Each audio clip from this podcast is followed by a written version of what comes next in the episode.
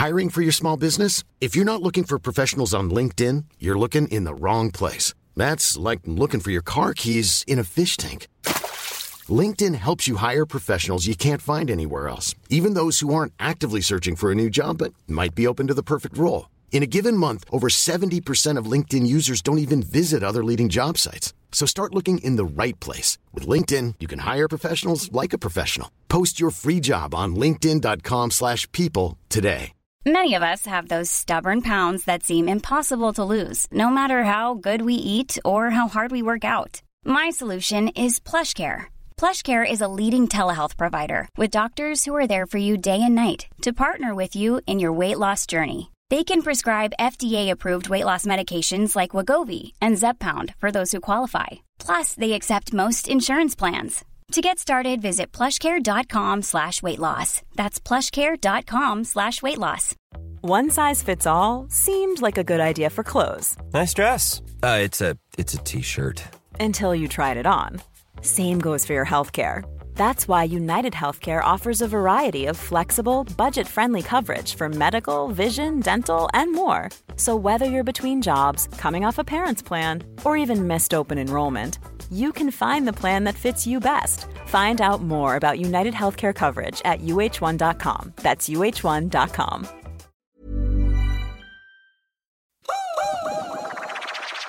God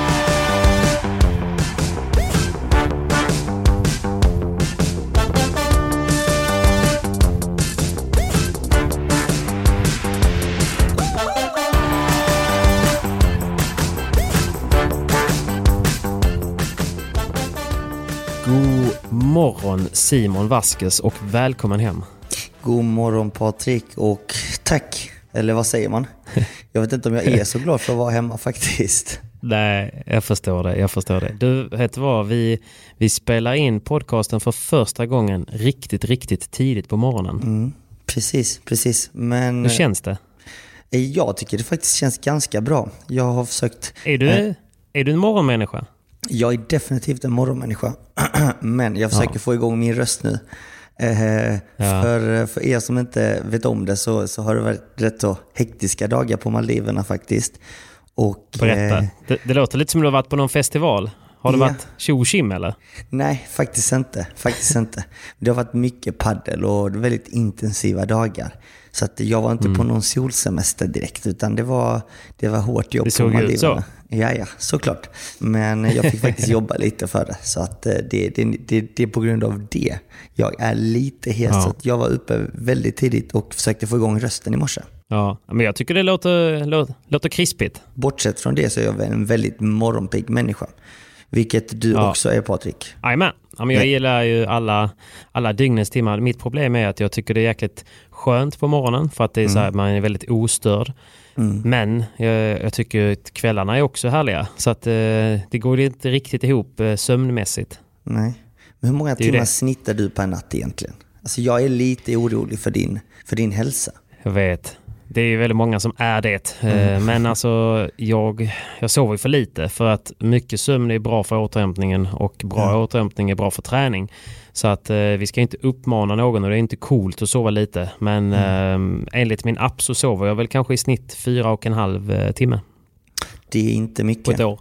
Det är inte mycket. Nej, jag vet. Det ja, där måste du Eh. faktiskt bli lite bättre. Så att, eh, Jag har försökt. Jag har verkligen försökt. Men vad har, du eh, gjort? Jag vad gör, har du gjort? Vad har du gjort för att förbättra din sömn? Alltså jag försöker ju träna ganska mycket för att bli trött. Mm. Det är bra. Ehm, Och ehm, nej men alltså i slutändan, det, det är klart det är lite så här, jag kanske har tagit mig an lite väl mycket grejer ibland och Mm. eh, jag har ju lite commitments så att jag eh, kör och skjutsar eh, min eh, syrras, eh, min syrras son bor ju hos mig så att eh, han går gymnasiet och bor hos oss och han har praktik tidigt på morgonen så jag kör och lämnar honom och sen så tycker jag bara det är skönt att komma upp och sätta igång och jobba liksom. Det finns ju mycket att göra. Fattar. ja, men det är bra ju. Men jag mår bra. Jag mår bra av det. Du är väldigt produktiv av dig och du får mycket saker gjort. Ehm, Ja, så är det, det. det är grymt ju. Så är det. Men eh, jag tycker att vi börjar dagen med ett sånt här ljud. Oh, vänta, låt Egentligen, mig... det, egentligen dricker jag kaffe, men eh, idag blev det en liten energidryck. Oh, För att jag känner att jag vill inte tappa, vi vill inte tappa momentum i det här eh, podcasten. nej, nej, jag fattar det. Får jag gissa vad du dricker? Berätta. Yes, gissa. Kan det vara en clean kanske? Mm. Alltså jag, jag är lite biased för jag tycker, tycker om clean. Men clean samarbete med Rescued. Nu är det här inget samarbete eller spons Nej. men äh, jäklar vad goda de är. Ja, de är bra, de är bra. Jag har faktiskt också smakat dem. De är bra. Du, äh, jag ska säga stort grattis till äh, TikTok-debuten. Ja, men stort tack. det var jag kul. Vill höra, jag, vill höra, jag vill höra lite behind the scenes. Hur, hur går det till när Pakito får en TikTok-idé? Planeringen? För det, det där såg jag att ni hade ju övat. Det var inte första tagningen. Det var inte första tagningen, men det var kanske tagning fem bara.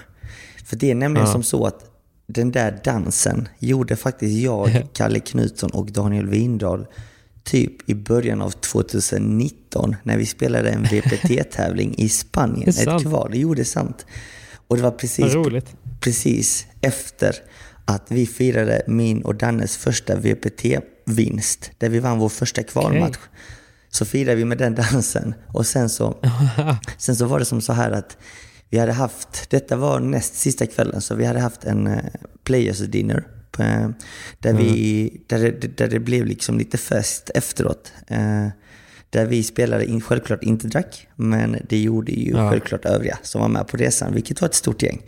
Mm. Och det ena ledde till det andra, så att vi hamnade faktiskt på en liten efterkaka. Så klockan var faktiskt mm. runt två på, två på natten. Och då um, får helt enkelt Paquito um, känner feeling för att göra en TikTok. Då han scrollade mm. igenom lite TikToks videos. Och då sa han att denna vill han göra. Och då, då hoppade jag till och bara, men du, den där har jag gjort. Den där är inte så svår. Den där kör vi på. Nej. Ja. Och um, då, då var det liksom jag, Paquito och sen var det Marta Marreros eh, bästa kompis som också var med på resan. Eh, okay. Henne och hennes mams bästa kompis. Eh, och ja, han, het, han heter Marco och är från Barcelona eh, och snackar egentligen bara katalanska, men lite sämre mm. spanska, vilket också är lite intressant eftersom han är spanjor, född och ja, uppvuxen i, i Katalonien, men kan katalanska perfekt. Men mm. spanskan är lite krasslig, nästan lite som min. Så det var faktiskt lite... Men du pratar väl bra spanska? Ja, men det tycker jag. Det tycker jag.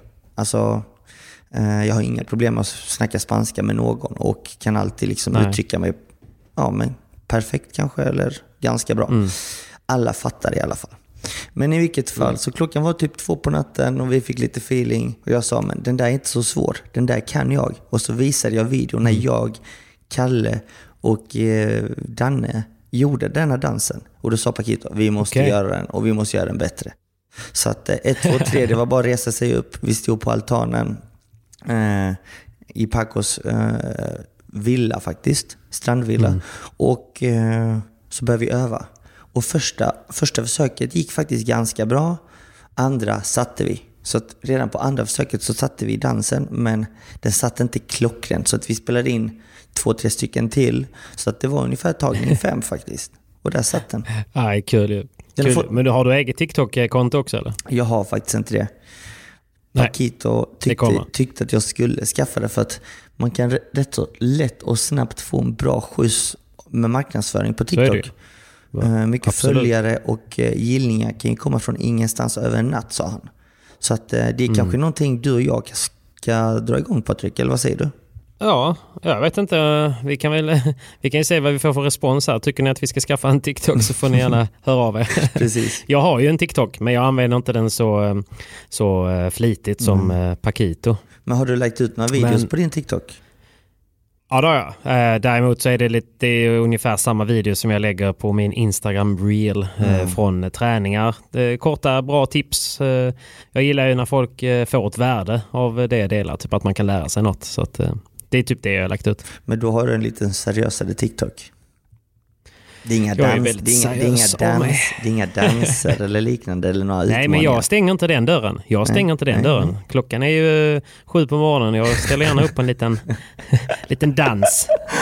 Oh, men du, den eh, TikToken eh, med Kalle och eh, Danne skulle jag också vilja säga. Och den tycker att vi, den plus din TikTok med Pakito lägger vi givetvis på vår story direkt efter att vi har spelat in här. Mm. Absolut. Men du, du säger att du eh, gjorde en TikTok med eh, Martas bästa kompis man, eller vad det var? Ni, det känns som att ni blev, ett, eh, ni blev rätt tajta. Ni hittade på roliga grejer. Ni var på lite zoo eller något undervattensakvarium mm. och ni gjorde mycket roliga grejer. Ja men så var det. Eh, alltså själva resan var ju egentligen till för att marknadsföra Swedish Padel Open, vilket vi gjorde. Ja. Och det gjorde vi på så sätt att vi körde lite clinics och lite pro-ams om dagarna med, eh, med lite potentiella sponsorer. Och eh, mm. i detta fallet då Martas kompis, eh, de, de hängde med eh, på resan bara. Ja, okay. Så att i slutändan, jag tror vi var kanske 30 svenskar som åkte okay. från Sverige. Eh, och då ja. räknar jag ju bort eh, mig själv. Så tänkte jag mm. att vi var kanske 30 svenskar som var potentiella sponsorer eller bara vänner till Urban. Eh, och ehm, sen så kanske vi var... Nej, sen var det faktiskt bara fyra spanjorer till som hängde med utöver spelarna. Så mm. vi var väl 35 pers kanske på, på ön. För det är lite lurigt. Alltså det, visst, okej, okay, så det var reklam för Swedish Padel Open, mm. men det är liksom på Maldiverna mm. utan streams, utan egentligen någon sån här agenda. Det var, för oss här hemma så är det, det var ju många som har frågat mig, vad är det de egentligen gör? Eller mm. vad är det, är det någon tävling? Mm. Eller är det, du vet, det har varit svårt att eh, svara på vad det egentligen är. ja, jag fattar frågan och jag fick ju frågan också av rätt många. Eh, men mm. det vi gjorde egentligen var att de som hängde med på resan, eh, de fick ju spela padel med oss spelare på förmiddagarna, mm. tidigt på morgonen, eller tidigt och tidigt, 9 till 11 ungefär.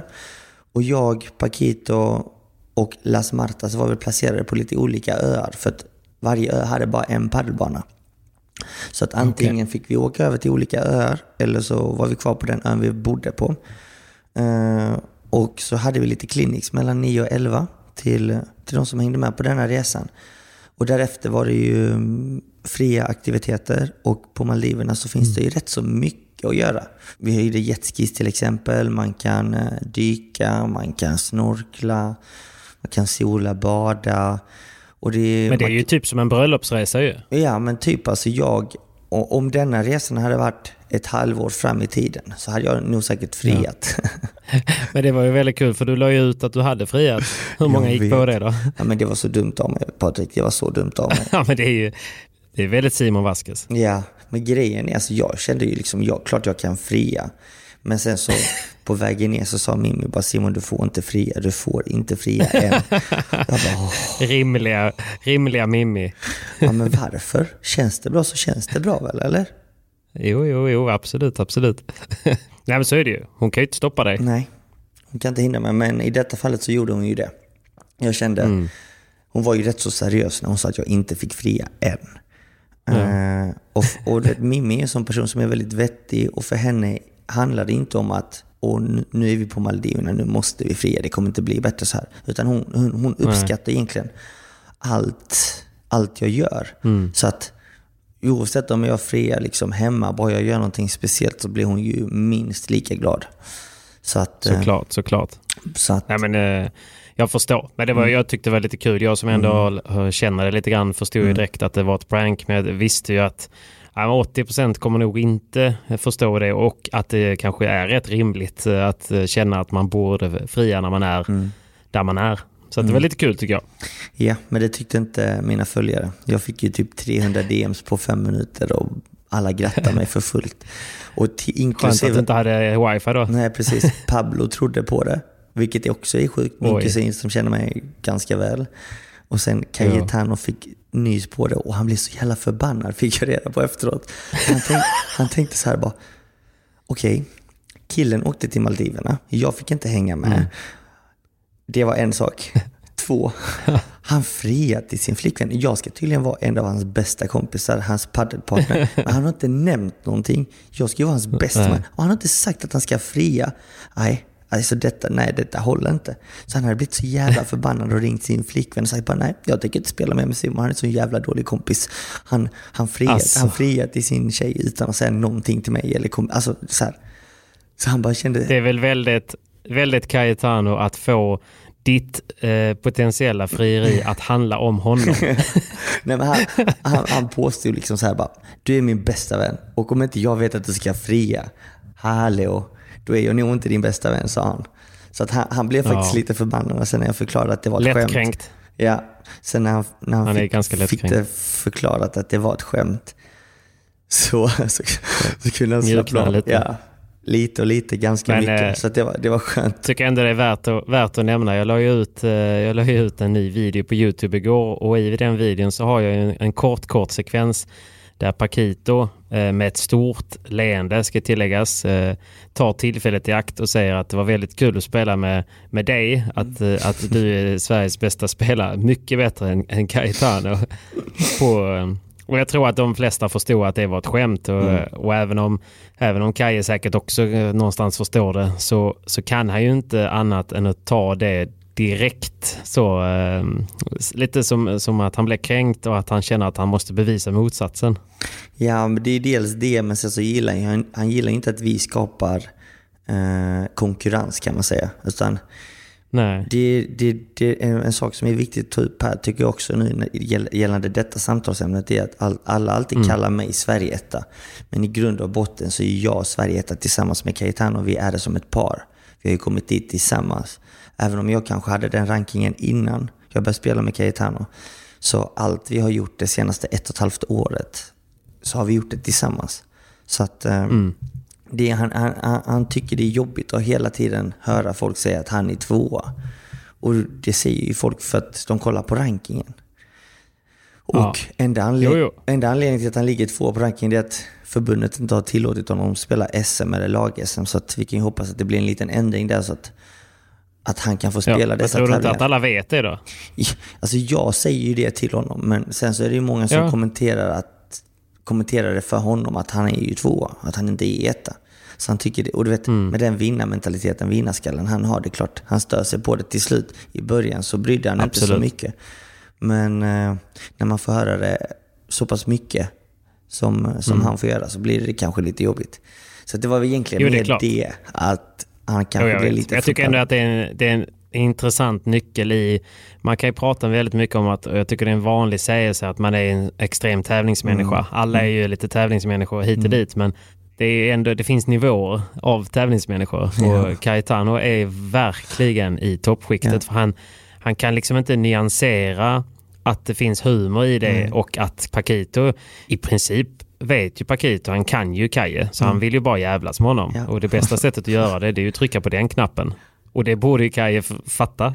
Ja men det är definitivt. Och ibland så köper man ju det och, och liksom låter Ja. det passera. Men andra gånger inte. Det- Jag tyckte det var, det var, det var en eh, liten en rolig eh, sidonotering bara. Jag eh, tog bort eh, storyn eh, senare för jag kände att han blev, han blev lite ledsen och det, Mm. det förtjänar han inte. Han är väldigt fin, Cayetano. Han är väldigt fin. väldigt fin faktiskt. Väldigt fin.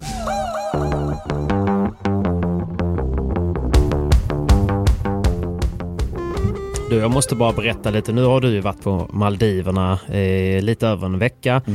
Och som rak kontrast till det så måste jag bara berätta lite hur det är att eh, ha varit i ja, en liten förort till Göteborg eh, mitt i vintern och haft ett styrelsemöte. Spännande. Låt höra. Det är inte så spännande men det är så att jag sitter ju, Jag känner att jag har så mycket tid över så att jag sitter ju med i styrelsen i vår bostadsrättsförening. De Och- där mötena. Ja.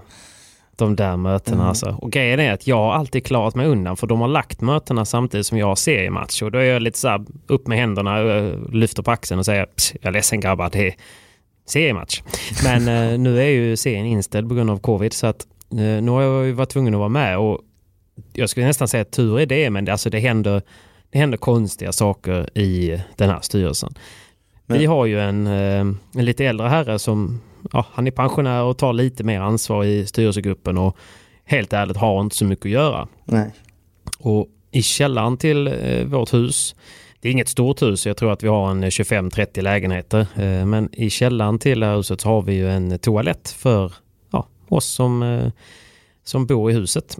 Ehm, och sedan några veckor tillbaka så har vi haft ett eh, problem. Och ehm, den här eh, pensionären nu har startat en eh, intern liten detektivutredning för att, som han själv kallar det, hitta bajsmannen. Ja, men du skämtar med mig. Nej, han, eh, du vet, det florerar, för vi har en, eh, en WhatsApp-grupp då, bostadsföreningen. Och lite då och då så kommer det så här ett, ett en bildmeddelande. Så öppnar man det här bildmeddelandet. Nej. Då är det ju en bild uppifrån med blixt rakt ner i toaletten där det ligger då bajs. Alltså jag dör.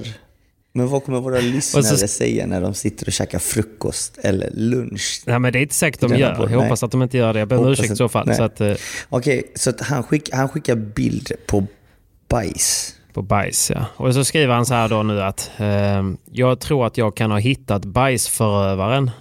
Ehm, för då har han ju suttit span nere i källaren och eh, eh, och vad jag antar då så har väl han suttit span och när någon har varit på toa så har han direkt efter gått in och kollat hur de har liksom skött hygienen där inne. Ja, du för att sen då Det här- kunna det här- utesluta Det här kan människor. inte vara sant. Det här kan inte vara sant. Det här kan inte vara sant. Säg Ja, att, du, jag, säg att du det, skämtar. är- det är ju så han måste ha jobbat. Det är så han måste ha jobbat. Men i alla fall, och det är, det är en företeelse. Förra, och sen utöver det på mötet, då, då tog han upp att han vill kakla om, för vi har ett, eh, ett stort allrum i källaren som ingen någonsin använder. För Mm. vem vill hänga i en källare i ett bostadshus? Ingen. Då vill han ju kakla om där nere för 80 000 för att göra det lite mysigt. Åh herregud, vad sa du då? Ja men alltså jag, jag sitter ju och kokar ju för att jag är ju ganska kostnadseffektiv. Ja. Jag som driver lite, lite business och sådär. Då säger han så här, jag har varit eh, och kikat på lite olika kakel och nu har jag hittat ett, ett litet mintgrönt kakel som är ganska trevligt som man inte tröttnar på över tid. Jag tror att det hade höjt stämningen lite, säger han. Mm, herregud. Och jag, sitter, jag sitter bara och spänner, spänner här, höjt stämningen. Men alltså snälla du, vi har höjt hyrorna med över tusen kronor sedan jag flyttade in hit. Och nu vill du kakla om källaren för att det ska bli lite mysigare. Nej, så att eh, så det är bajs och det är kakel och sen, och sen eh, härom, härom veckan, jag var inte med på förra mötet och dagen efter det mötet så när jag kom hem, jag bor på första plan, utanför mitt köksfönster, då står det helt plötsligt två stycken stora containrar med glaskross. Du vet där man slänger, man har Jaha, druckit lite vin och så ska precis, man gå precis. till återvinningen och slänga dem. Ja. För jag, jag märker ju det inte förrän jag står i, i köket och bara hör det här. Liksom, en s- eh, glasflaska som faller från två och en halv meters rakt ner i, eh, i marken och, och liksom exploderar. Tänker att ah, fan, nu har vi kit som vandaliserar här utanför. Jag får springa ut och kolla vad som händer. Ja. Ja, då står det ju två containrar med glaskross där och jag direkt i den här bajstråden i, i, i föreningen skriver Vem har ställt två stycken containrar utanför mitt köksfönster?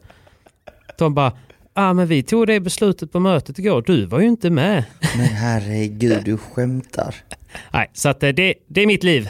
Jag känner bara att nästa gång, snälla ta med mig till Maldiverna. Mm, jag lovar. Du ska få hänga med nästa gång. Så ska du få dokumentera en helt fantastisk resa. Men vem är bajsmannen? Eller bajskvinnan? Alltså jag, jag försöker ju vara den eh, som säger att eh, om du inte har några konkreta bevis så kan vi liksom inte anklaga någon. Så att tills vidare får vi i så fall stänga toaletten och så kanske du kan hitta på någonting annat att göra om dagarna. Vi, vi ska följa upp det här. Jag ska inte lämna er eh, on hold utan Nej. eh, för, för reda på vem det är så kommer jag ta upp det eh, nästa gång.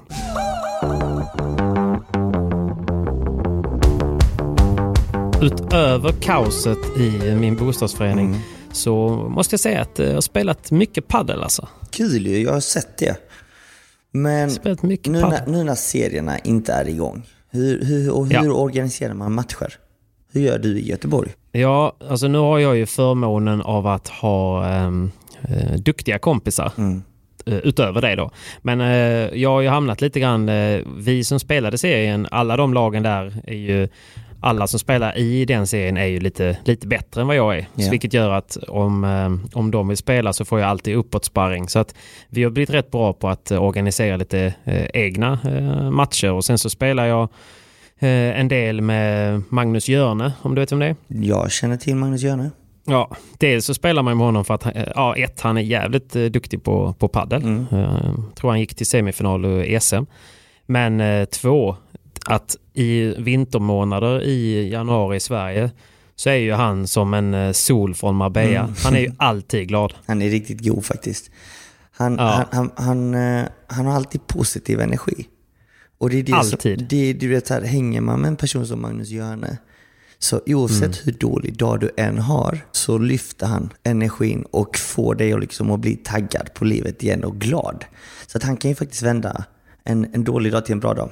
Så det är kul att du lirar mycket med honom. Ja, nej, men det, är, det är skitkul varje gång han ställer upp och, och vill spela mm. med mig. Eh, och lite så är det faktiskt med dig också. Det, jag känner mig alltid eh, full av energi efter att vi har hängt. Så att, eh, det är viktigt och jag tror att det finns en sägelse att man man blir som genomsnittet av de man umgås mm. med, sina fem närmsta vänner. Så att umgås inte med några vad ska man säga, bittra människor för då kommer du bli lite mer bitter. Oh, det vill man inte bli. Häng med gött folk hela bli. tiden som alltid är positiva och glada. På tal om padel och, och, mycket bra padel. Jag spelade, jag mötte Tom eh, på Unisport ja. som du också känner till. Ja, ja det gör jag. Han är ju, stackaren håller på, eh, jag ska inte säga, man ska inte skämta om att han håller på att gå in i väggen, men det är ju sån extrem efterfrågan på, eh, på banor. Ja. Så eh, vi åkte tillsammans, han kom upp, han är från Malmö och säljer ju då paddelbanor för Unisport. Och han kom upp för att det skulle vara invigning på eh, Paddle of Swedens nya jätteanläggning utanför Göteborg i Kungälv. Just det, just det. Så vi spelade lite paddel och eh, sen åkte vi till, till den eh, premiären där i lördags faktiskt. Mm. 21 banor. Jag tror det var det, men det var så här enorm hall. 21 banor? Alltså Are you for real? Alltså vad är ja. det som händer med Padel Sverige? Alltså vad är det som händer med Padel Sverige? Alltså nu innan poppar upp liksom, lite hallar här och var. Titt som tätt. Mm. Fyra där, fem där. Yeah. Men nu, nu, nu öppnas det ju hallar varje dag nästan känns det som. Och ja. nu är det inte de här små hallarna som öppnas upp. Alltså jag menar, vad sa du? Kungälv, 21 banor, Padel of Sweden. Jajamän. Eh, Klöven Padel, hur många banor öppnar inte de uppe i Göteborg nu om en eller två veckor? Ja men det är väl också där 25 plus eller något ja, sånt. Men typ, det är väl Nordens största anläggning. Mm. Om inte det var världens största anläggning kanske för tillfället. Och det är så här, man bara, vad är det som händer? Södertälje har ju nästan 30 banor. Alltså, 30, ja. alltså förstår du hur stor ytan är för att kunna trycka in 30 banor i en, i, nej, en och samma anläggning? Men varför jag eh, tog upp just eh, Paddle of Sweden i Kungälv var att jag fick eh, sätta mig och, och, dricka lite kaffe med, med han som grundade Paddle of Sweden. Mm. Och eh, för jag, jag, ställde lite frågan, för det, grejen var så här, du vet ju själv hur det är när man kommer in i en jätte, jätte arena med mm. sjukt många banor. Mm. Att det ibland kan kännas lite sådär, ja men typ det kan vara polare där och spela mm. men man hinner inte träffa dem för Nej. att det är så stort. Precis, precis. Men, men just där var det faktiskt väldigt mysigt fortfarande. De hade lagt mycket pengar på liksom omgivningen och loungerna och, och hänget. Mm. Och jag ställde också frågan så här, varför har ni inte gjort något lite fetare centercourt när ja. ni ändå har så mycket plats? Ja. Och då var ju hans svar rätt vettigt att ja, men det är rätt många som bygger liksom, arena, arenahallar nu för att kunna ta VPT eller liksom verkligen tävla om mästerskapen. Hans poäng var lite grann att han vill satsa på kidsen. Mm. Han får mycket mer värde i att ja, men, vi maxar in lite mer banor. Det fanns fortfarande gott om plats där mm. och så, men det var kanske inte så mycket äh, åskådarplatser på, äh, förutom en centerkort då. Men för då ska han ju skänka några banor till ungdomsverksamhet så att de i princip ah. skulle kunna spela äh, gratis två, tre timmar om dagen. Ja men det där låter faktiskt helt, helt, fantastiskt. Det där tänket ja. gillar jag för att det är det som kommer göra att vi kommer ta fram ungdomsverksamheten på ett helt Exakt. annat sätt. Så att det, det där Precis. var någonting nytt som jag inte hört tidigare. Ja. Att någon paddelägare har tänkt på. Eller självklart tänkt och hört har man gjort. Men kan man, kan man skänka ett par banor till, till ungdomsverksamheten så låter det helt fantastiskt. Ja, jag menar det är klart att han hade kunnat hyra ut dem och tjäna lite pengar. Men mm. just det här långsiktiga, han sover gott om natten och kan bidra till till paddens utveckling. Mm. Jag tycker det är värt att nämna och eh, jag hoppas att fler kan ta inspiration från det. För det är som Simon säger, det bästa sättet för oss att utveckla mm. svensk paddel. Även om eh, alla vi 30-plussare, medelplussare önskar att vi skulle hamna på VPT så är det sannolikt någon av de eh, riktigt små kidsen som kommer hamna där en dag. ja men så är det ju. Det, det, är vi som bara ska visa vägen för, för nästa generation. Precis. Eh, mm. Och det, det tyckte jag var superintressant att höra att Paddle Sweden tänker på det sättet. Och det är ja. ju någonting övriga aktörer också borde tänka på. Satsa på ungdomsverksamheten. Exakt. Låt oss bygga en stark grund kring ungdomarna. Så att, eh... Precis. Och, to Och Tom eh, på Unisport han, ju, han sa det att du, eh, har, har, du tid för att hjälpa mig att sälja lite banor? För det, det, finns, det finns ganska stor efterfrågan. Jag bara så här, jag tittade lite på mitt schema och så tänkte jag på det och så sa jag nej, jag är ledsen, jag, jag har nog inte mer tid. Men jag, det borde inte vara svårt tänker jag att hitta någon i Göteborgsområdet som är intresserad av att jobba med paddel. Nej, verkligen inte. Är det någon som är, någon som är intresserad så hör av er. Ja, precis. Hör av er bara. Nej, men jag tänker ju just, just paddelbanor. Uh, sälj, kan man ju sälja över hela Sverige och man får nog köra runt en del.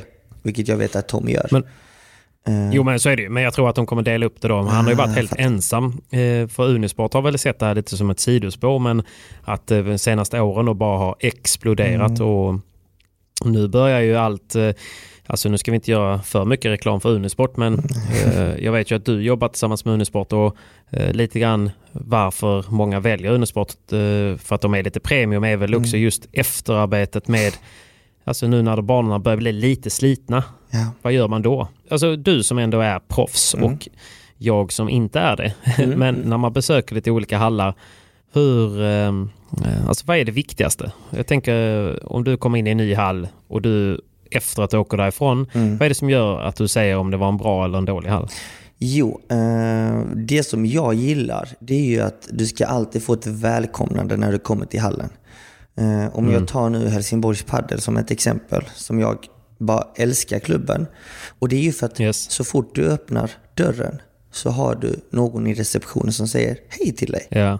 Uh, bara det bemötandet tycker jag är superviktigt. Att du alltid liksom satsar på personalen. Att du alltid har en, mm. en hall som är bemannad. Så att du alltid, när du väl ska köpa ditt kaffe eller få ditt kaffe eller köpa en dryck, bar, whatever. Mm att det är faktiskt en liv, livslevande människa som hjälper dig. Så att det inte är någon tråkig ja, automat. Alltså det är det värsta jag vet. Alltså jag tycker det är så fruktansvärt ja. tråkigt att okej, okay, här är en maskin, nu ska jag dra mitt kort, jag ska ha en cappuccino. Mm. Och när jag väl får cappuccino så smakar den maskinkaffe liksom, som smakar mer metall Trist, än kaffe. Liksom. Ja, jättetradigt. Mm.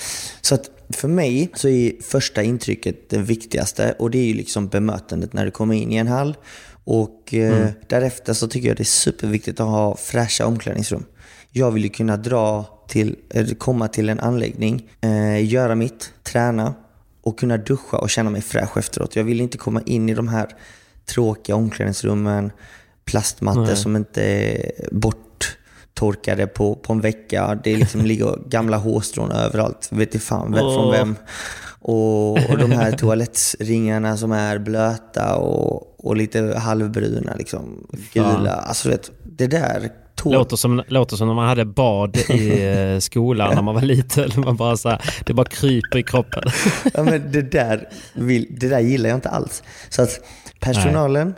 omklädningsrummen och sen framförallt bygga upp en miljö, alltså på övrig yta, att det blir lätt att man hänger. Alltså för mig tycker mm. jag att man vill ju skapa och bygga en hall som gör att okej, okay, jag vill vara en halvtimme innan jag ska spela och jag kan lätt vara kvar där 30 minuter efter jag spelat. Jag ska ta, komma dit lite tidigare, ta min kaffe, ta min bulle, börja värma upp, spela, träna, ta en dusch och kanske käka efteråt. Det är liksom mm. min drömhall. Att man ska kunna hänga där. Eh, och ja. då måste man kunna erbjuda mer än bara en paddelbana. Och just nu så byggs det extremt många hallar som är obemannade. Att du får din kod, du ska slå koden på dörren, du kommer in, du mm. spelar. Mm.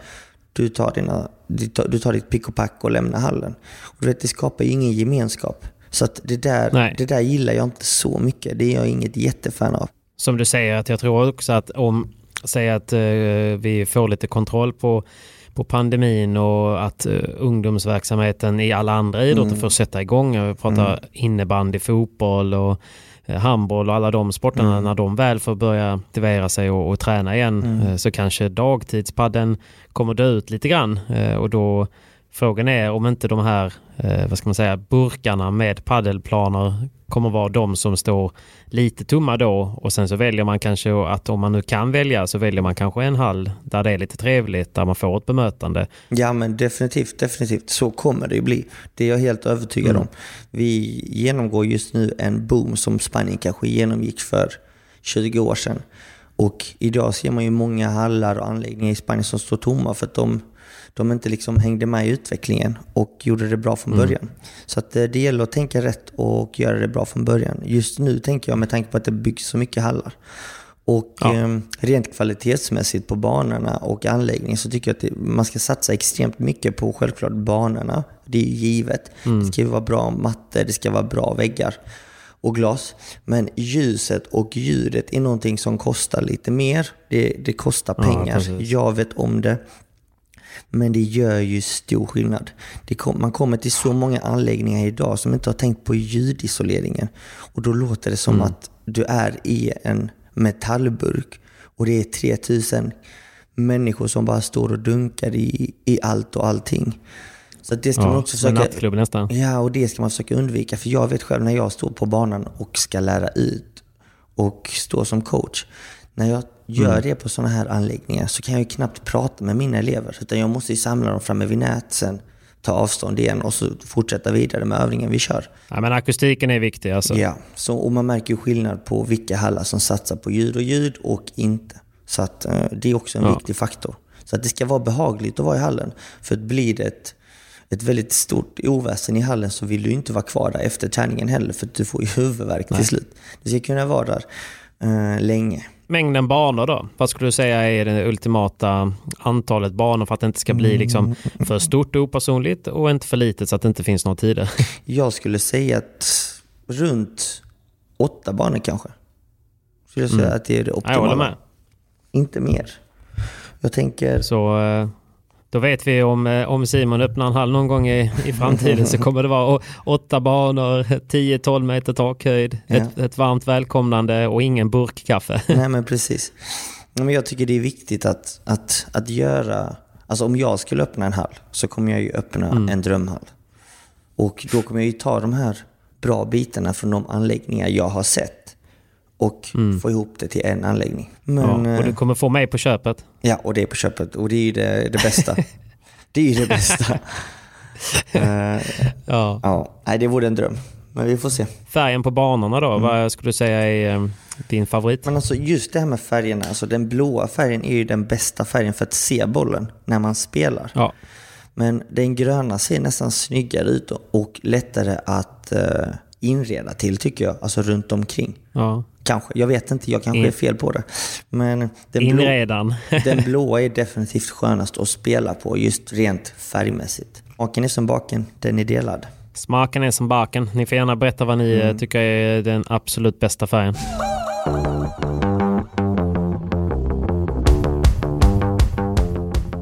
Eh, Men du Patrik, jag Ja. har kommit över lite information här. Lite, gäll, Okej. lite gällande banor, eh, rack och bollar. Det, det säljs ju extremt mycket paddelbanor. Nu kommer jag Vi inte... snackade lite om det förra veckan. Mm. Jag, jag, kommer, jag kommer inte nämna, vi kommer inte gå in, det, det kommer inte bli så djupt eh, samtalsämne nu, men jag har kommit över lite information här. Jag kommer inte nämna från vilka aktörer, varken banor, bollar eller rack. Men du bra. vet, du vet att det finns, alltså det, padden har exploderat så pass mycket att det är många som inte kan leverera nu. Och då tänker jag, Just det, då, det då, vet jag. Då, då tänker du, vad menar du med leverera? Jo, banorna börjar ta slut. Fabrikerna kan inte producera tillräckligt mycket banor. Rack och bollar, de fabrikerna är fulla fram till 2022 Men det är nästan. skandal. Ja men det är helt sjukt. Det är skandal. Jag har ju fått höra att Bullpaddle har ju redan sålt slut på hela sitt sortiment hela detta året. Adidas likaså. Mm. Adidas också. Adidas Ja. också ja. Så att de här två stora aktörerna, de har redan slått, så, äh, sålt slut på vartenda rack de har producerat. Och det är ju helt Mm. sjukt. Och nu kan de inte producera mer för detta året. Utan de, de har ju redan gått in på 2022. Och det är Ja, det är helt sjukt att fabrikerna har så pass mycket att göra. Men det måste säga också lite om eh, teknikerna på fabriken, att det är lite föråldrat. Ja, så kan det definitivt vara. Och det ska ju bli spännande att se de kommande åren. Om man går igenom lite det som tennisen gick igenom. För att, jag vet inte om du minns det, men på Björn Borgs tid så fanns det ju typ 50 olika racketmärken. Vilket det finns i padel Mm. Ja. idag. Idag finns det över 300 padelmärken. Det ska bli spännande att se Ja, om tio år vilka aktörer är kvar på marknaden. Ja. Nej, men det, det, du har helt rätt. Men det som är, vad ska man säga, många, många säljer ju eh, rack med eh, selling pointen att ja, men våra rack är handgjorda i Spanien. Mm, mm, precis. det är ju inte... Alltså, jag vill egentligen inte ha ett handgjort rack i Spanien. Det innebär ju att, att någon kan göra fel, skulle jag säga. För att vikt, vikten på racken kan ju skilja jättemycket Ja. med tanke på det.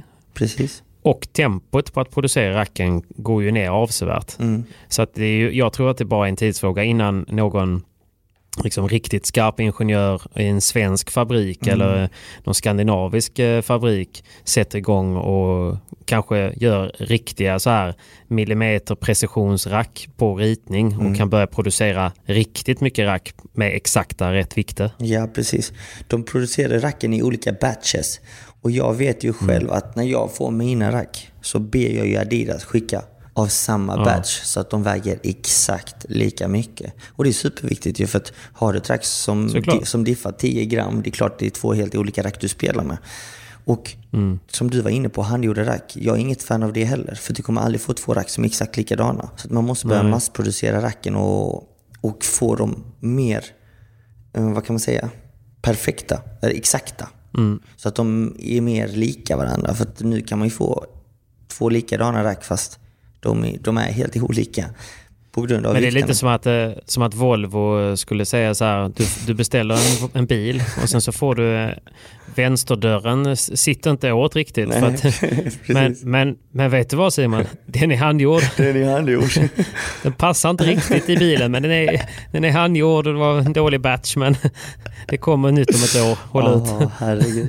Ja, nej, det, Nej, det, det, det som är kul, jag hörde faktiskt en rolig fakta. Jag är ju lite involverad i Adidas. Mm. Och det jag fick reda på nu var ju att padden i Spanien Mm. håller på att gå uppåt vad det gäller försäljning och bokningar. Spännande. Spännande. Och jag vill ju direkt eh, klappa Sverige på axeln och säga att det är ju såklart tack vare vår eh, mani här. Ja, precis. precis. Ja, men det, det har säkert en, en betydelse. Jag menar, vi är många svenskar i Spanien. Och vi, alla svenskar är ju paddeltokiga oavsett var vi än är. Och det sker ju Jo, många tack. paddelresor till Spanien. Så att det har säkert en, en faktor i det. Och sen så, som, Ja. som vi har sett, nu är det ju många paddelspelare i Sverige. Inte minst så var Paquito och körde lite försäsong i Helsingborg med oss för några veckor sedan. Nu, kom jag, nu är faktiskt Bela här i Uppsala och kör. Så att... Eh, Ja men ni tränade igår. Det har vi inte ens vi har pratat inte, om. Nej, precis. Det var faktiskt lite stressigt för min del för att jag hade haft en lång flygresa på ja, 15 timmar från Maldiverna. Landade 07.00 på Arlanda. Stackars dig. Körde tjejen till centralstationen och sen så brände jag upp till Uppsala. För då skulle jag och Caetano eh, bränna av ett paddelpass med eh, Bela. Faktiskt klockan 11. Vad gör Bela i Uppsala? Eh, bra fråga. Han har lite möten eh, som är lite hemliga. Och sen så kör han Okej. eh, träningar med mig och Caetano.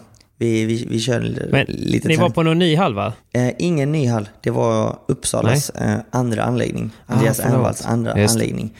Eh, som har rätt så fin centerkort. Eh, Roligt. Hur länge stannar Bela då? han stannar fram till lördag, tror jag det. Lördag, fram tills lördag. Så att vi Ska har, ni träna något mer då? vi har inbokad eh, träningar varje dag nu. Så att eh, det ska bli Shit, kul. vad nice. Ska jag prata lite om träningen kanske? Är du intresserad av hur det gick? Ja, det är jag. Eh, Det var det svaret jag hoppades på. Nej men eh, jag, jag kommer ifrån att ha tränat lite med Paquito. Eh, Och eh, jag märkte en avsevärd skillnad med att få träna med Bella. Det är, Okej. det, det är två helt olika sätt att träna på. Paquito är mer så här, ja men lite manana manana, vi går in, vi bollar lite, vi kör lite poäng, övningar, bla bla bla. Han är extremt Ingen struktur Ja, liksom. men ingen riktig struktur och du vet så här. Bara latchar rätt mycket, han spelar mycket Ja. på touch och har kul på banan. Bella var en helt annan femma, utan det var liksom från sekund ett så var det en extremt hög intensitet fram till sista bollen var slagen på träningen. Så i 90 minuter så var han ju hela tiden på mig och Caetano och bara håll, håll uppe intensiteten, håll uppe intensiteten, håll fokus, tappa inte fokus, tappa inte fokus. Och du vet här, det händer ju aldrig när man tränar själv. Oavsett om Nej. man tränar en timme, en och en halv eller två så har du alltid en liten dipp där du tappar fokus. Såklart. Och du vet så här, kommer ur eh, din prestation helt enkelt. Och, och Bella är ju en sån extremt professionell paddelspelare. Inte för att Paquito Ja. inte är det, men Bella är lite annorlunda. Han kom ju hit med sin coach och Miguel Scorilli och hade träningen upplagd, redan planerad och klar. In i minsta detalj. Tränar ni med honom eller eh, agerar han lite tränare åt er? Nej, vi tränade med honom. Så att träningen var Okej. ju lite bas baserad på att han skulle träna sitt och vi skulle ju få, få utdelning av det också såklart. Ja. Ehm, Men kan det vara lite så att han känner att Alltså nu, han vet ju att ni är Sveriges bäst rankade eh, spelare och att eh, han är här i möte och så vill han ju såklart när han är här, för det är ändå försäsong, ha så bra sparring som möjligt. Så när ni väl tränar ihop så är han på er att hålla hög eh, liksom, nivå, liksom, fokusera, fokusera, fokusera för att få ut så mycket som möjligt av sin egna träning. Eller gör han det för er skull tror du? Nej, definitivt. Lite så är det faktiskt. För att igår, jag var ju lite, lite jetlaggad och var lite seg i kroppen i början. Och mina ögon sved till lite i början av passet av trötthet helt enkelt. För vi reste ju över natten. Och det Ja. var ju vid inbollningen så missade jag tre volleys i rad. Du hade sovit dåligt i first class eller? Och det var inte bra. Och det var inte bra. Och då sa han, då började han direkt gå in och coacha lite på min volley. Så jag tänkte bara, åh Okej. nej. Vad sa han då? då? Ja, men, Lär mig. Ja, men, du vet, just, jag vill inte avslöja för mycket, men lite kan jag avslöja. Och det känns som att Bella håller på att förändra lite padden från, eh, från bakplan. Han spelar, Igen? Ja, men han, spelar så ex, han spelade med sån intensitet. Han spelade nästan tennis på padelbanan igår. Och, Okej. och vad menar jag med tennis? Jo, han försökte ta så många bollar han kunde innan väggen. Och det var ju någonting jag blev Mm. chockad över För att dra upp tempot? dra upp tempot och han spelade extremt hårt och tufft nära nätkanten. Vilket gjorde att det blir ju svårare för mig och Cayetano att, att eh, spela tuffa volleys. Vi kunde inte riktigt öka volleytrycket.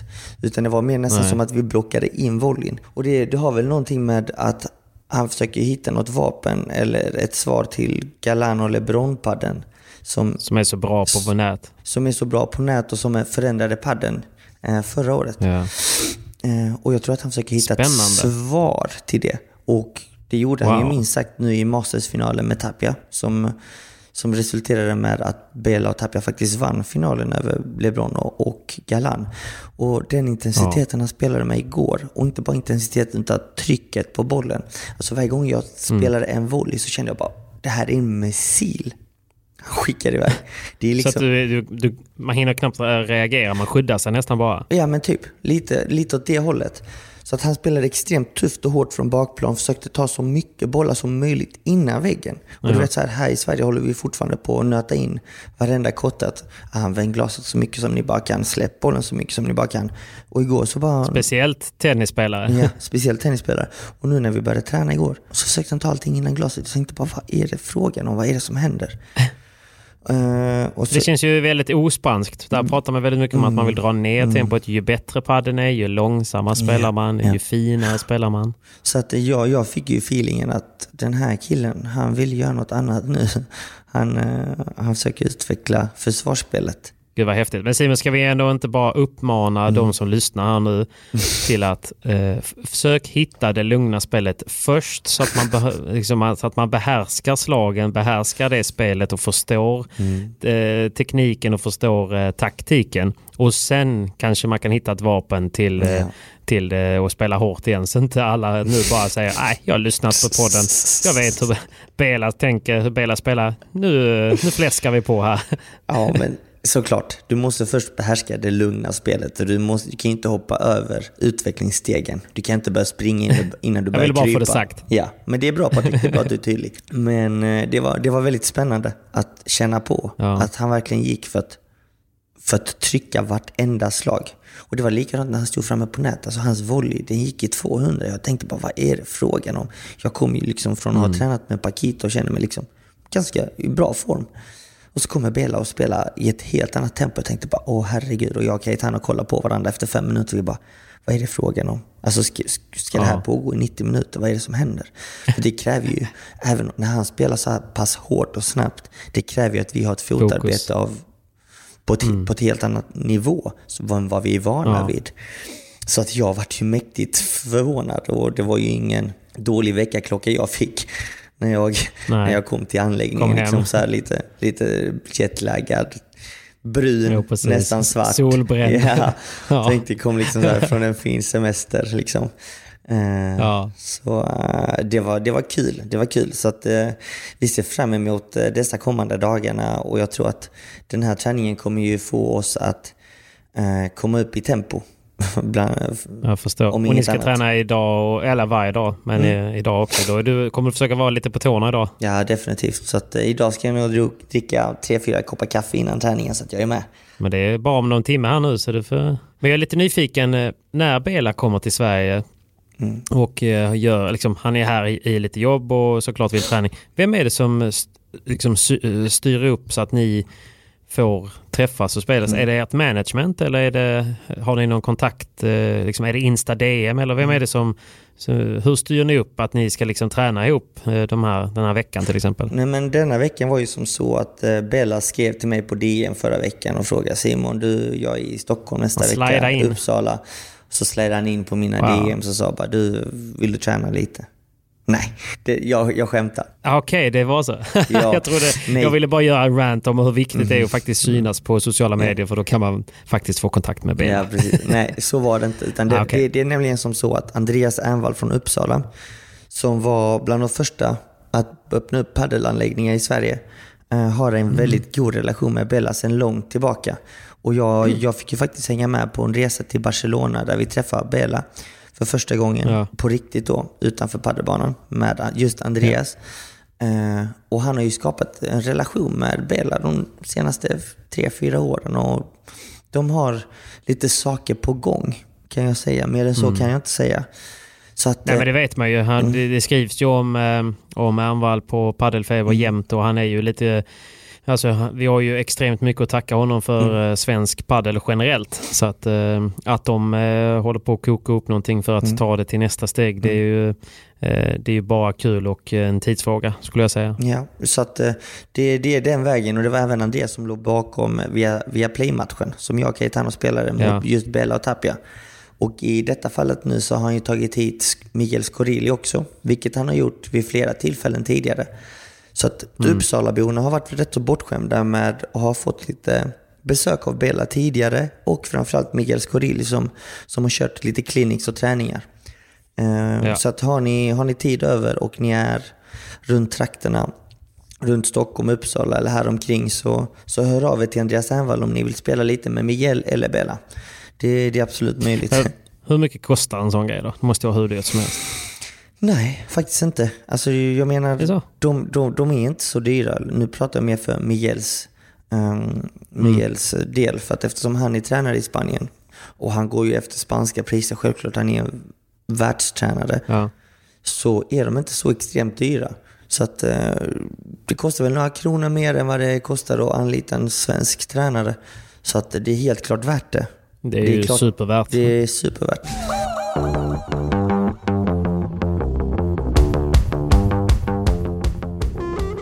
Alltså jag investerar en hel del i min egna träning. Jag tränar ju mycket med Danny Dios. Men jag tycker att det är värt det. Alltså, eh, det är klart att det är ju pengar och man får ju skapa, man får ju eh, välja lite grann vad man vill lägga pengar på. Men just nu, man går ju inte på krogen, det, är- allting är stängt och jag har ju dratt ner och spelar liksom ingen sån här välgörenhetspaddel. Om du vet vad jag menar. Jag vet exakt vad du menar. Ska vi ta några minuter om det? För Ja. det, det måste ändå... Hur, för jag bara märker nu att jag får ju... Jag tycker det är sjukt kul att det är väldigt många som vill spela med mig. Eh, och det är ganska många som hör av sig och föreslår och att man säger kan vi, kan vi inte ses och, och köra en match?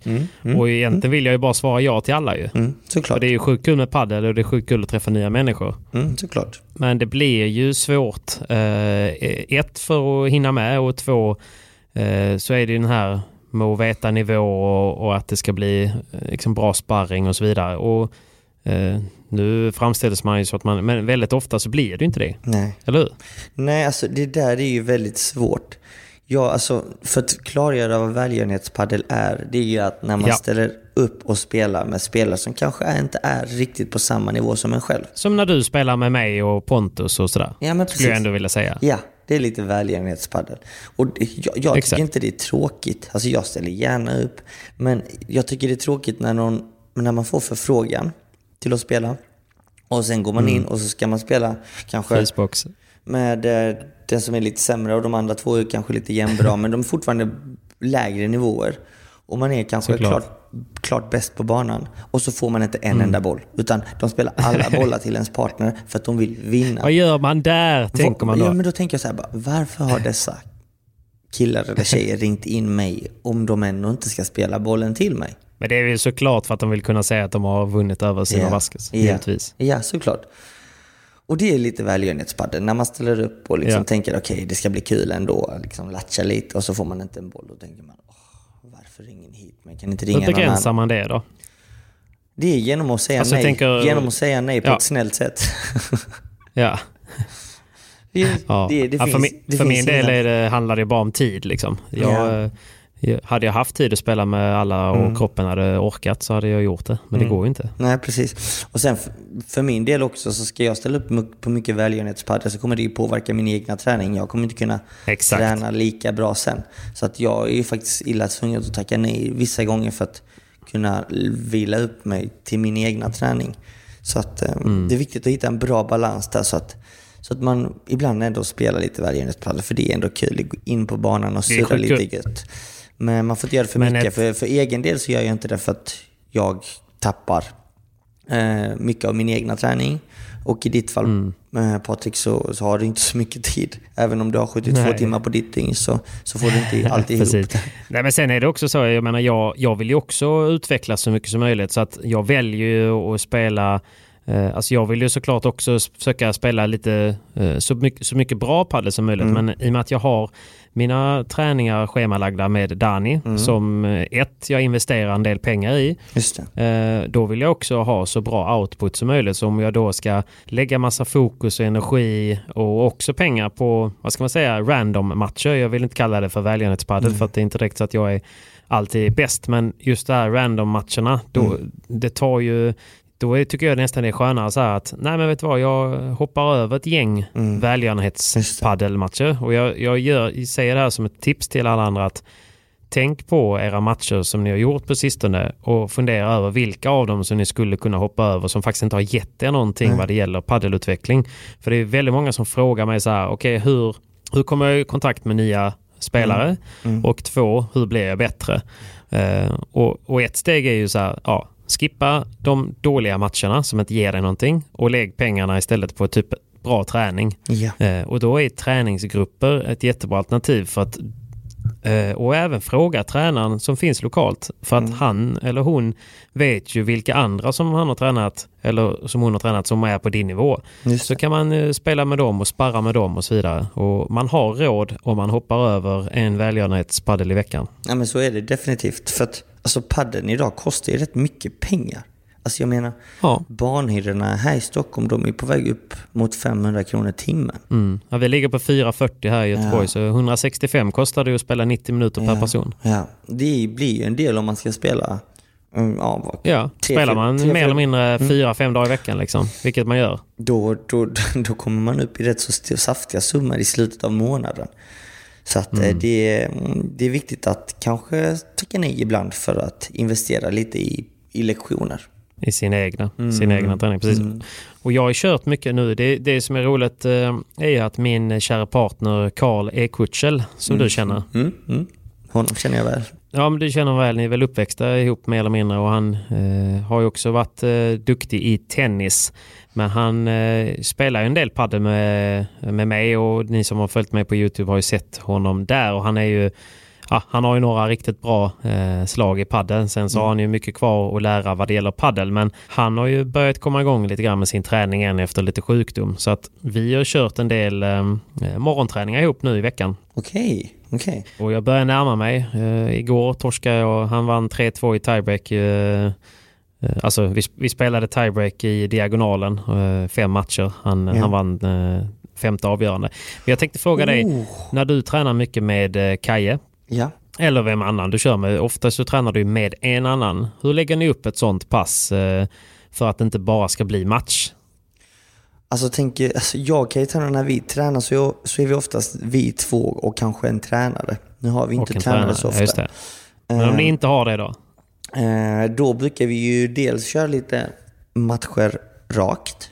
på banan Ja. parallellt på halvbana.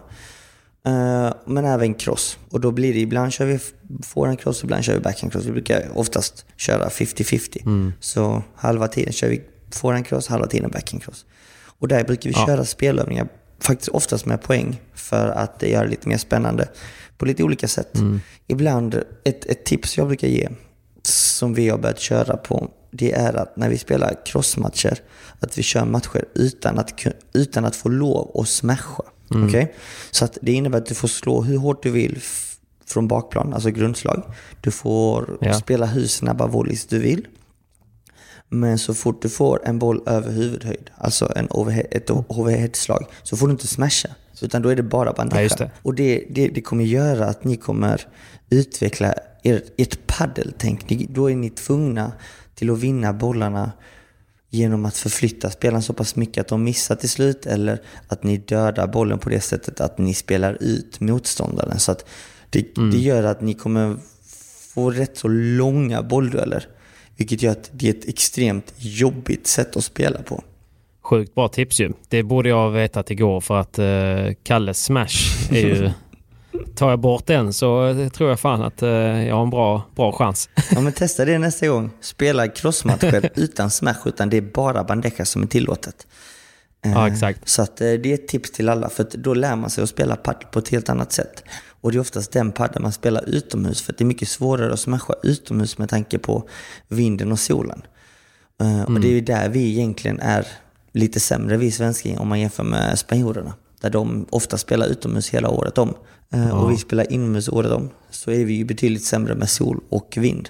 Så att spela gärna mycket matcher cross eller rakt utan att få smasha. Utan kör bara, ba- man får bara lov att använda bandejan när man får eh, höga bollar.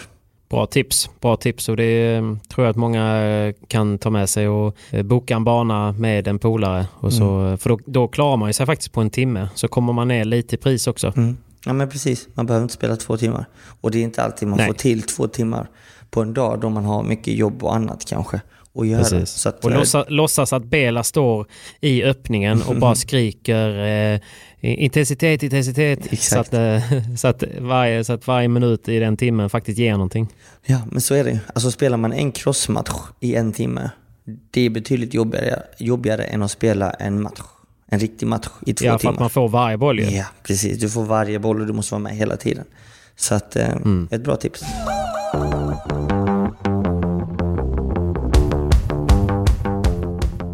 Men du Simon, jag Mm. kommer ihåg när du kom hem från eh, din eh, förra årets Pri Previa eller Previa eh, turné som det gick väldigt bra på. Ja. Då, eh, då kom du hem full, eh, inte full i fan, men du kom hem lite grann hög på paddel och sa till mig att fan Pepe, jag har ju inte kunnat spela paddel innan. Jag har fått så, jag, jag, alltså jag, jag, jag har spelat med lite tränare där nu. Jag har ju gjort helt fel. Du vet, du hade fått så här, en uppenbarelse över hur man faktiskt skulle börja spela, hur man ska spela. Och jag är lite nyfiken nu när det har gått ett år, du har precis varit på Maldiverna, du har tränat i princip en, två veckor med Paquito, både på hemmaplan och på, på Maldiverna. Du har kört lite med Bela. Var är du nu och vad skulle du säga Alltså det har ju hänt väldigt mycket men vad är det du verkligen ska lägga fokus på nu för att kunna ta nästa steg? Det är ju mm, fortsätta utveckla det taktiska spelet. Eh, Jag, eh, jag fick ju med mig mycket gott förra året efter första SPT i Marbella. Eh, Hur man kan vinna och vända matcher utomhus framförallt. Och det är fortfarande en del jag måste förbättra i mitt spel. Att bli skicklig och spela utomhus. Eh, Det kände jag nu när jag, var, Ja. när jag åkte ner till Maldiverna, när vi spelade utomhus. Hur ska ni göra det då? För det är ju svårt i Sverige. Det är jättesvårt eh, och det, det, det krävs ju att man lägger ner timmar och spelar utomhuspaddel. Och det är någonting jag kommer nog försöka få till mer och mer nu till våren i Sverige och Spanien. Att försöka åka ner lite mer till Spanien och spela utomhus. Eh, träna hela tiden utomhus i sommar. Att inte liksom åka in till en inomhushall utan hela tiden leta upp Och inte vara bekväm liksom. precis inte vara bekväm att hitta utomhusbanor. Det är en del, men sen i själva spelet, att hitta den här... Du vet, jag har tendens ibland att komma in i lite perioder, dels under träningen men också matcher, att jag sjunker i nivå. Jag jag går ner i intensitet och, och gör lite dumma misstag och kanske inte alltid tar rätt beslut och kommer tappa fokus helt enkelt. Att jag ska Ja. bli bättre på att hålla fokus hela matchen, från boll ett till sista bollen. Oavsett om det är träning eller match. Det är en sak jag måste förbättra. Sen att eh, bli bättre på att spela paddel, förflytta bollen och inte alltid bara gå, du vet, ser eh, eh, en liten tunnel, utan öppna upp ögonen lite mer och säga okej, vad har jag för lösningar nu? Vad måste jag ändra på? Och det är ju liksom tillbaka till taktiken. Att se mer paddel. Men taktik är intressant tycker jag för att det är ju, det är ju skitintressant och när jag pratar med, med Danny och han förklarar olika taktiker på olika, alltså på hög nivå så, så känns det ju logiskt. Och sen så när man själv står på banan så är det så här, okej, vad- hur, hur applicerar jag en taktik? Alltså hur gör man, hur gör ni för att bli bättre taktiskt? Alltså det, det, det beror på lite motstånd man har på andra sidan just där och då. Men det finns ju olika paddelfilosofier. Det finns ju den gamla paddelfilosofin från Argentina att du ska, vin, du ska kunna vinna en match från bakplan genom bara att vara så pass bra i, din, i ditt defensiva spel att du tvingar fram motståndaren att göra misstag. Det är ett sätt. Ja. Sen så finns ju också padden som, som LeBron och Galan bör markera.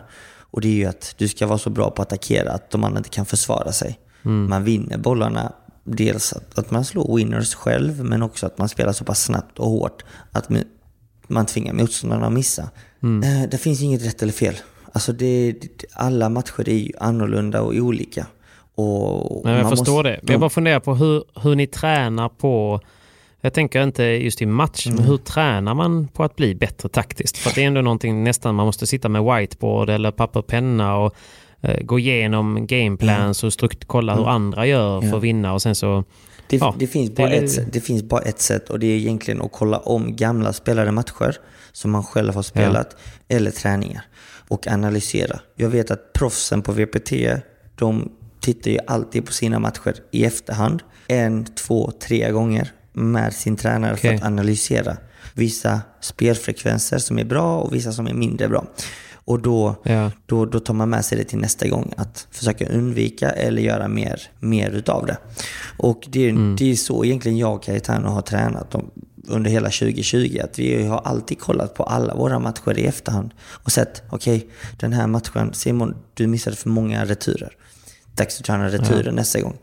Eh, Simon, Okej. du kan inte spela lobben eh, mot T, mot denna spelaren för att han kliver in och spelar extremt bra Viboras ner mot Kajes hörn.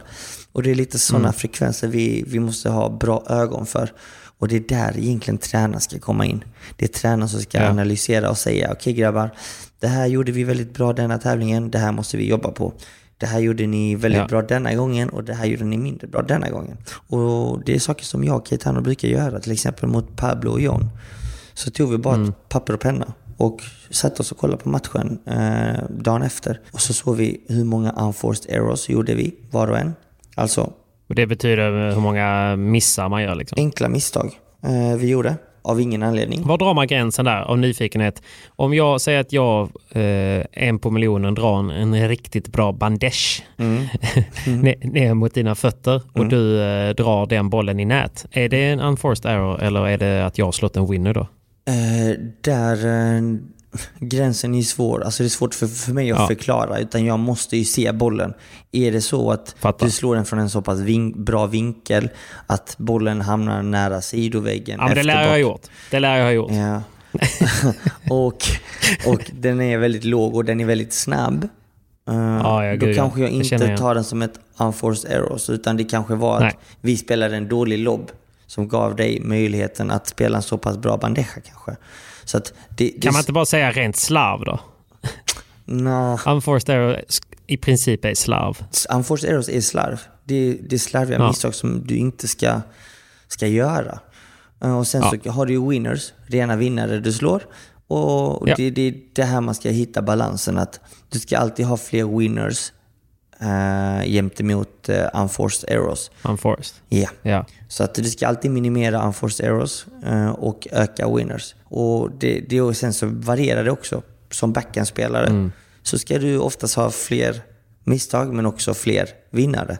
Winners. Som forehandspelare Ja. ska du ju ha färre unforced och färre winners. Fast nu på det sättet paddeln utvecklas så ska man nästan ha lika många winners. Beroende på, på matchen såklart. Och taktiken. Mm. Vart man spelar bollen. Mot forehandsidan eller mot backhandsidan. Så tips till mig och till oss andra eh, som vill eh, bli bättre är att spela in våra matcher, kolla på dem i efterhand och sen med papper och penna anteckna eh, ja, egentligen winners och unforced men och kanske också observera om det finns något mönster i vilka misstag är det mm. man oftast gör. Ja. Är det i, som du säger, liksom serverturer? Har man, har man sju serverturer mm. i nät på en match, det är ändå ett och ett halvt game. Ja, det är alldeles liksom. för mycket. Då, då gäller det egentligen att ställa sig på banan och bara träna returer.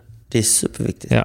Det är bättre att få in den och att de, att de slår en winner, för då finns ju ändå möjligheten till att de gör ett misstag. Ja, exakt. Helt korrekt Patrik, helt korrekt. jag tycker det är intressant. För det är jättemånga som skriver att de gärna vill lära sig mer taktiskt. Att de mm. vill ha mer konkreta taktiker. Mm. Och Det är ju det jag gör mycket med dig och med Cayetano på min YouTube. Och mm. Ibland så ligger det ju liksom lite dolt bakom. Eh, alltså, som, som senast så sa Cayetano att alltså, väldigt många volleys jag slår eller som man ska slå. Det, är inga, det ska inte vara några bra volleys. Det är låg risk men de är placerade på ett sätt som gör att motståndaren har mindre möjligheter. Mm. Och och det bygger upp en attack. Och det är ju en taktik. Ja, definitivt. definitivt. Alltså det finns många sätt att attackera, ja. eller många sätt att tänka på. Det är svårt att mm. säga. Det finns ingenting som, det här är det rätta i alla lägen. Utan man måste anpassa det beroende på spelsituationen. Och det är också så här, ja. får du en volley som är lågt ner på fötterna det är klart du inte kan göra samma sak på boll, med bollen då som om du skulle få bollen över nätkanten. Men, men det kan också bli lite, när man säger så till eh, oss eh, som inte kanske har samma erfarenhet och rutin, då blir det lite som att, liksom, att det finns för mycket möjligheter. Att man inte, okej, okay, ja, jag fattar att det finns jättemycket taktik, men hur börjar jag? Vad är en första taktik? Och jag, jag kommer ihåg eh, första gången jag spelade en match mm. och faktiskt hade alltså en taktik. Mm. Alltså att vi sa så här, okej, okay, vi, vi, vi har en gameplan och då, vi gör som så här att när vi har nät mm. så, så om vi säger att du står på förhand och Cayetano på backhand och du slår eh, ett slag mot, eh, mot mig eh, från forehandhörnet, då fortsätter jag att förflytta dig genom att lägga nästa volley till exempel i mitten där mm. du inte är. Eh, för att tvinga dig springa till mitten och så tar du den i mitten och så lägger jag nästa volley i hörnet mm. och så tvingar jag dig springa till hörnet mm. och så slår du den eh, och så nästa volley lägger jag i mitten igen. Mm. Men då kliver Cayetano in för att avlasta för dig för att du mm. är i en stressad och pressad ja. situation. Och då byter vi spelare. Då slår vi den ner i Cayetanos hörn. Så mm. egentligen taktiken är att behåll bollen till samma spelare fast på den döda ytan där den han inte är. Mm. Eller där hon inte är. Och sen så om den andra kliver in då kan man byta. Eller om man har möjlighet att slå en winner. Mm. Och det var den enda taktiken. För att för det är klart, alltså säg att du tar med dig fem, sex, sju olika, då, kan man, då kanske man inte vet var sin partner är och man inte har gjort det innan Nej. och det finns för mycket regler. Då är det bättre att bara ha en. Och då ja. tycker jag att den var väldigt, den hjälpte mig väldigt mycket. Ja men den är klockren och det är en väldigt basic eh, taktik. Ja, väldigt basic. Ja, att du ska hålla spelet mot en och samma spelare lite längre. För att då kan du och din partner täcka banan mycket bättre. Ja. Då vet ni vilken boll som är din och vilken som inte är min, vem som täcker mitten och vem som inte täcker mitten och så vidare. När du får en, två, tre, fyra, fler, ju fler slag du får desto mer stressad blir du ju. Så att eh, då attackerar man ju mot ett håll.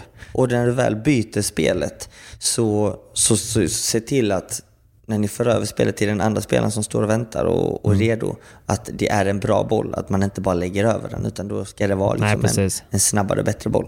Så det är viktigt att när man väl byter spelare, att man sätter tryck på bollen.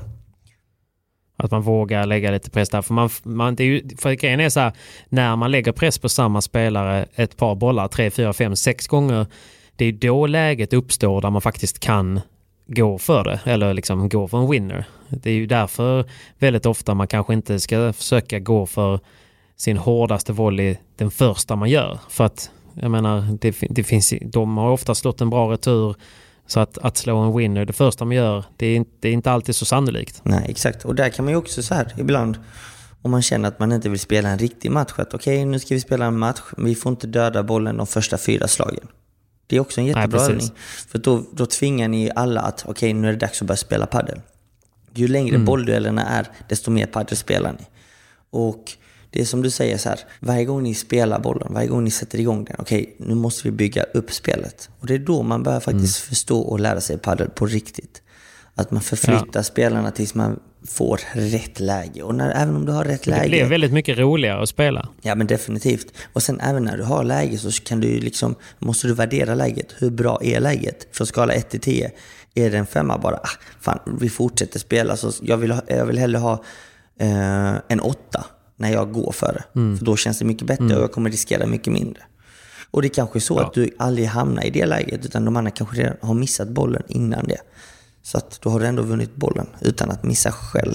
Precis. Och det är också väldigt skönt att spela när man i princip innan, eh, innan eh, sin partner har slagit slaget så vet jag vart han kommer lägga den. Mm, precis, precis. Om man håller sig till gameplanen. Och då får man nästan Ja, men man känner sig lite som Rain Man. Man blir lite så här, ja, men jag vet att han kommer slå den i Simons hörn här nu för att Simon är i mitten. Ja, Ja, så då, är jag, då har jag redan, redan tagit ett steg och täckt banan och det blir jobbigare. Och så där. så det är ett bra tips och det är väldigt mycket roligare. Sen kan man bygga vidare, så kan man ha nästa strategi. Vad händer när de lobbar oss? Vad gör man då? Och så vidare. Men att man i alla fall, för att det inte ska bli för mycket, att man bara försöker ha en strategi för att ta nät Nej, och en precis. strategi när man är på nät. Nej, precis. Nej, det, det gäller... Det tror jag är en bra början. Det är en jättebra början. Och, och det är en av grunderna i, i padelspelet. Du, eh, jag ska faktiskt inte hålla dig för länge. Jag vet att du är taggad på att eh, börja förbereda dig inför ditt nästa pass med Mr Bela. Ja, stämmer. Kan du leverera en selfie eller?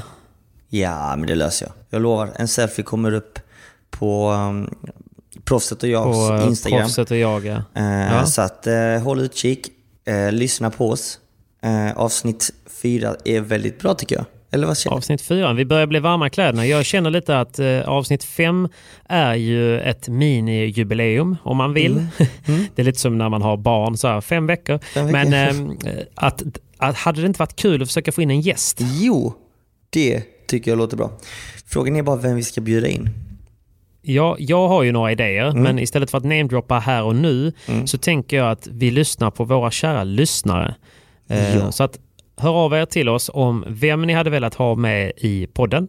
Och sen så säger jag inte att det kanske blir eh, någon av dem, men eh, vi har våra egna tankar också. Så vi avslutar med, med det och jag önskar dig stort lycka till med din träning. Jag ska också träna.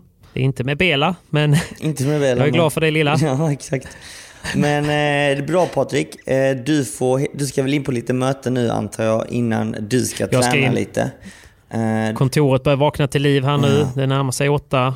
då är det dags. Nu börjar dagen på riktigt kan man säga. Fast det var trevligt att spela in Ja. en podd nu på morgonkvisten måste jag säga. Jag gillar det. Jag gillar det. Jag gillar det faktiskt. Det var, det var mysigt. Det var mysigt. Väldigt mysigt. Nu har solen börjat komma fram och kaffet eh, är i normal temperatur och dagen kan bara bli... Jag ska nästan säga dagen kan bara bli bättre för det är inte sant. Det här var trevligt alltså. Så att, eh, men dagen har fått en god start. Så känner jag. En väldigt god start. En väldigt god, mysig start. Väldigt god musik. Och det är skönt att ha dig på svensk mark igen Simon. Jag, jag tycker ändå att det är skönt. Jag hoppas att dina strumpor blir lite, lite blöta idag. Oh, jo, det lär de ju bli. Alltså, jag, jag, jag är i Stockholm nu och jag skulle nästan säga att det är ju en halv meter snö här. Det är helt... Det är kritvitt överallt. Magiskt ju. Det är magiskt ju. Från vita sandstränder till ett vitt Stockholm. Ja, det, det är väldigt trevligt måste jag säga. Men eh, jag, hade inte klagat om jag hade varit kvar på Maldiverna ett par dagar till. Men det är kul och trevligt att vara här. Och jag är supertaggad att få träna med Bella så att eh, jag klagar inte. Mitt liv är på topp. Och ditt eh, liv går i 200 Patrik. Så att med det sagt så tackar Fint. vi för denna gången. Ehm, Tusen tack Simon. Och eh, kör hårt så hörs vi efter din träning. ciao! Ciao!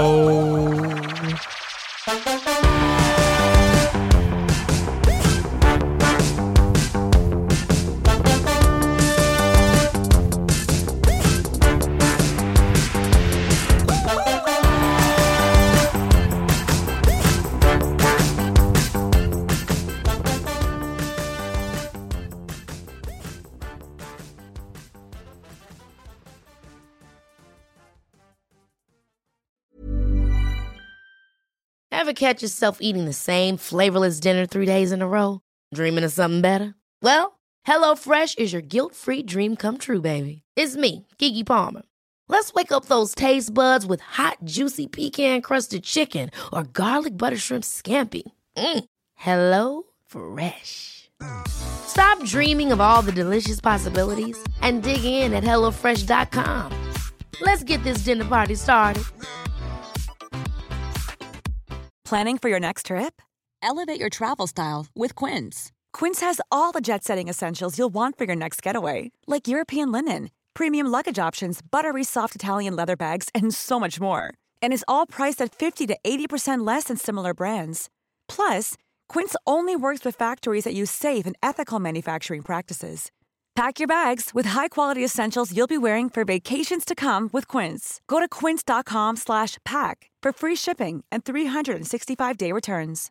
Imagine the softest sheets you've ever felt. Now imagine them getting even softer over time. That's what you'll feel with Bowl and Branch's organic cotton sheets. In a recent customer survey, 96% replied that Bowl and Branch sheets get softer with every wash. Start getting your best night's sleep in these sheets that get softer and softer for years to come. Try their sheets with a 30-night guarantee. Plus, get 15% off your first order at bowlandbranch.com. Code BUTTERY. Exclusions apply. See site for details.